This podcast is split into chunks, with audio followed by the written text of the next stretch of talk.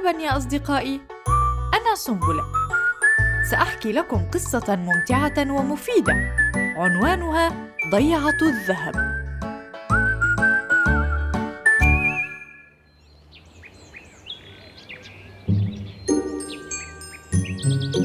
في مكان ما من هذا الكون الوسيع هنالك ضيعة ذهبية اللون.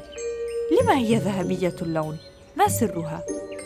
كانت القرية ذهبية اللون لأن أهلها لا يحب بعضهم بعضا ولا يفكر بعضهم في بعض.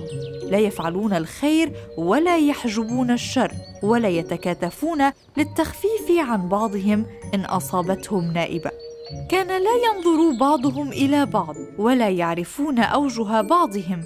والأغرب من كل ذلك أنهم لا ينظرون إلى أنفسهم ولا يعرفون المقولة القائلة اعرف نفسك أيها الإنسان. لكل هذه الأسباب عاقبتهم الشمس وظلت مشرقة على تلك الضيعة بتلالها ووهادها. تأبى الرحيل. لا تغيب عنها حتى أصبح لون أشجارها وبيوتها وحيواناتها وبرك الماء فيها وأبنائها أيضا وكل ما فيها ذهبي اللون. فأبناء تلك الضيعة لا يعرفون الليل ولا القمر ولا النجوم. فكيف لهم أن يعرفوا هذه الأمور؟ والشمس لا تغيب عن ضيعتهم فهي مشرقة على مدار الساعة إلا أنه في تلك القرية فتاة تدعى نهى استطاعت نهى أن تتعرف إلى ما لا يعرفه أبناء قريتها من معجم الليل ومصطلحاته. فنهى فتاة سمراء جميلة تحب أهل قريتها وتتمنى لهم الخير دائما وتمد يد المساعدة أن طلبت. ذات ليلة خرجت نهى برفقة خروفها إلى الحديقة لكي تقطف بعض الفاكهة الطازجة لتملأ سلتها عنبا وتينا خوخا ورمانا. فإذا بها تسمع انينا ونداء استغاثة. إنه جارها مرعي.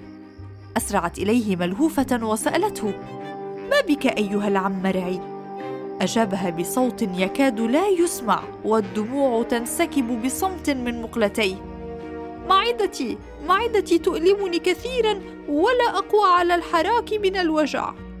فقالت له نهى لا تخف سأعود إليك حالا ببعض الأعشاب المقطرة من حديقتي إنها خير علاج لحالك هذا أسرعت نهى إلى حديقتها تلتقط العشبة المداوية وبعد أن عالجتها عادت بها إلى العم مرعي تسقيه خواصها. وما هي إلا دقائق معدودات حتى رجع لونه طبيعيا. زال الاصفرار من وجهه مع زوال الوجع من معدته. فصرخت نهى صرخة المنتصرة. أيها العم مرعي لقد عاد لونك إلى طبيعته وزال وجعك. فأجابها عافاك الله يا صغيرتي الجميلة. فقالت له والآن عليك أن تساعدني في قطف ثمار حديقتي لكي نوزع بعضها على أهل القرية بخاصة على من لا يملكون ارضا ولا معيلا ونرسل ما تبقى مما نجنيه إلى السوق. فأجابها لك مني كل العون. بدأ القطاف فرحين لا يشعران بتعب ولا بوهن. فنهى تحلم بعيون العجزة والأطفال وهم يشكرونها فرحين والعم مرعي يحاول جاهدا شكر نهى على علاجها له حتى إنه بدأ يميز الليل من النهار وسط هذا العمل الجهادي وتلك الفرحة العارمة لاحظت نهى أن خروفها لم يعد إلى جانبها فصرخت مذعورة أيها العم مرعي أين خروفي الجميل؟ فأجابها لا أدري يا بنيتي الحبيبة فمنذ نحو الساعة لم أعد أراه. لربما عاد إلى الضيعة حيث الحظيرة. اذهبي وابحثي عنه وأنا أكمل القطاف. سمعت نهى كلام العم مرعي. عادت إلى دارها وهي تنادي. أين أنت خروفي الجميل؟ أين أنت؟ وهي في طريق العودة متجهة نحو الضيعة والوجوم يملأ محياها الملائكي فإذا بها تلمحه من بعيد بجانب بركة ماء ذهبية يستقي منها. فصرخت به لا تشرب الماء من تلك البركة! إلا أنه كان قد سبقها إلى ذلك وشرب حتى الارتواء. هرولت إليه مسرعة فإذا به خروف ذهبي اللون. حملته حزينة مطأطأة الرأس مكسورة النظرات باكية واتجهت به نحو الحديقة حيث العم مرعي في انتظارها. فسارعها العم مرعي بالقول لا تحزني يا صغيرتي كفكفي دموعك. فقالت عد إلى عائلتك فزوجتك وأولادك بانتظارك أشكر نبل عاطفتك وأنا سأبقى بعض الوقت مع خروفي هنا في الحديقة. استجاب العم مرعي لطلبها خصوصا أنه أدرك ضرورة أن تبقى نهى وحيدة مع ذاتها وأفكارها. ما إن غادر العم مرعي المكان حتى غفت نهى من شدة حزنها وتعبها مستسلمة لنوم عميق إلى جانب خروفها الحبيب. بعد وقت قصير استيقظت متلمسة صوفه الناعم الجميل. هل أنا أحلم؟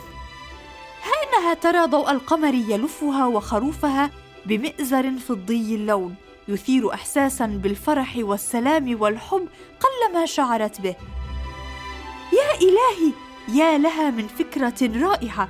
سأدعو يوم غد أهل ضيعتي جميعهم إلى منزلي ليروا ضوء القمر.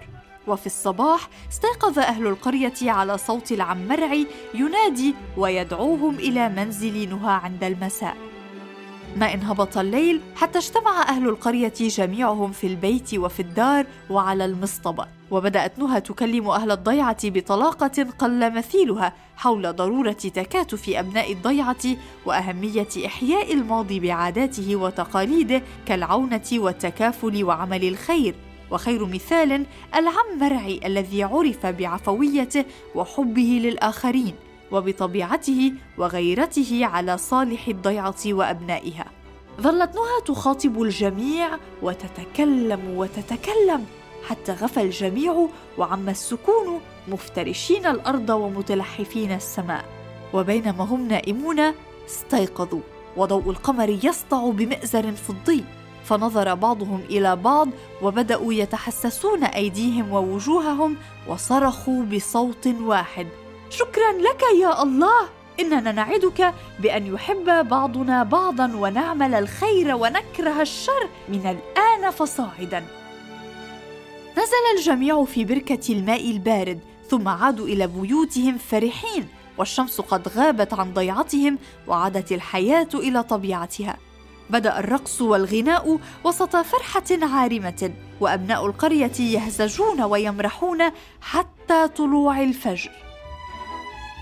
وفي اليوم التالي عاد كل واحد إلى عمله سعيا وراء رزقه اليومي حيث الطبيعة تتزيا بألوانها المختلفة وحيث الليل والنهار والصيف والشتاء والحر والقر. وبعد وقت قصير اجتمع أهل الضيعة وقرروا تكريس يوم عطلة يجتمع فيه الأبناء والأهل في حديقة نهى يشذبون أغصانها يروونها يقطفونها. كل ذلك مساعدة للمحتاج وشكرا لله فيكون يوم فرح وسلام برعاية نهى وخروفها الجميل. قرأنا لكم في بودكاست سنبلة قصة ضيعة الذهب تأليف جهاد موسى صادرة عن دار النديم للطباعة والنشر. قراءة سارة خازم وإخراج حسين حجازي.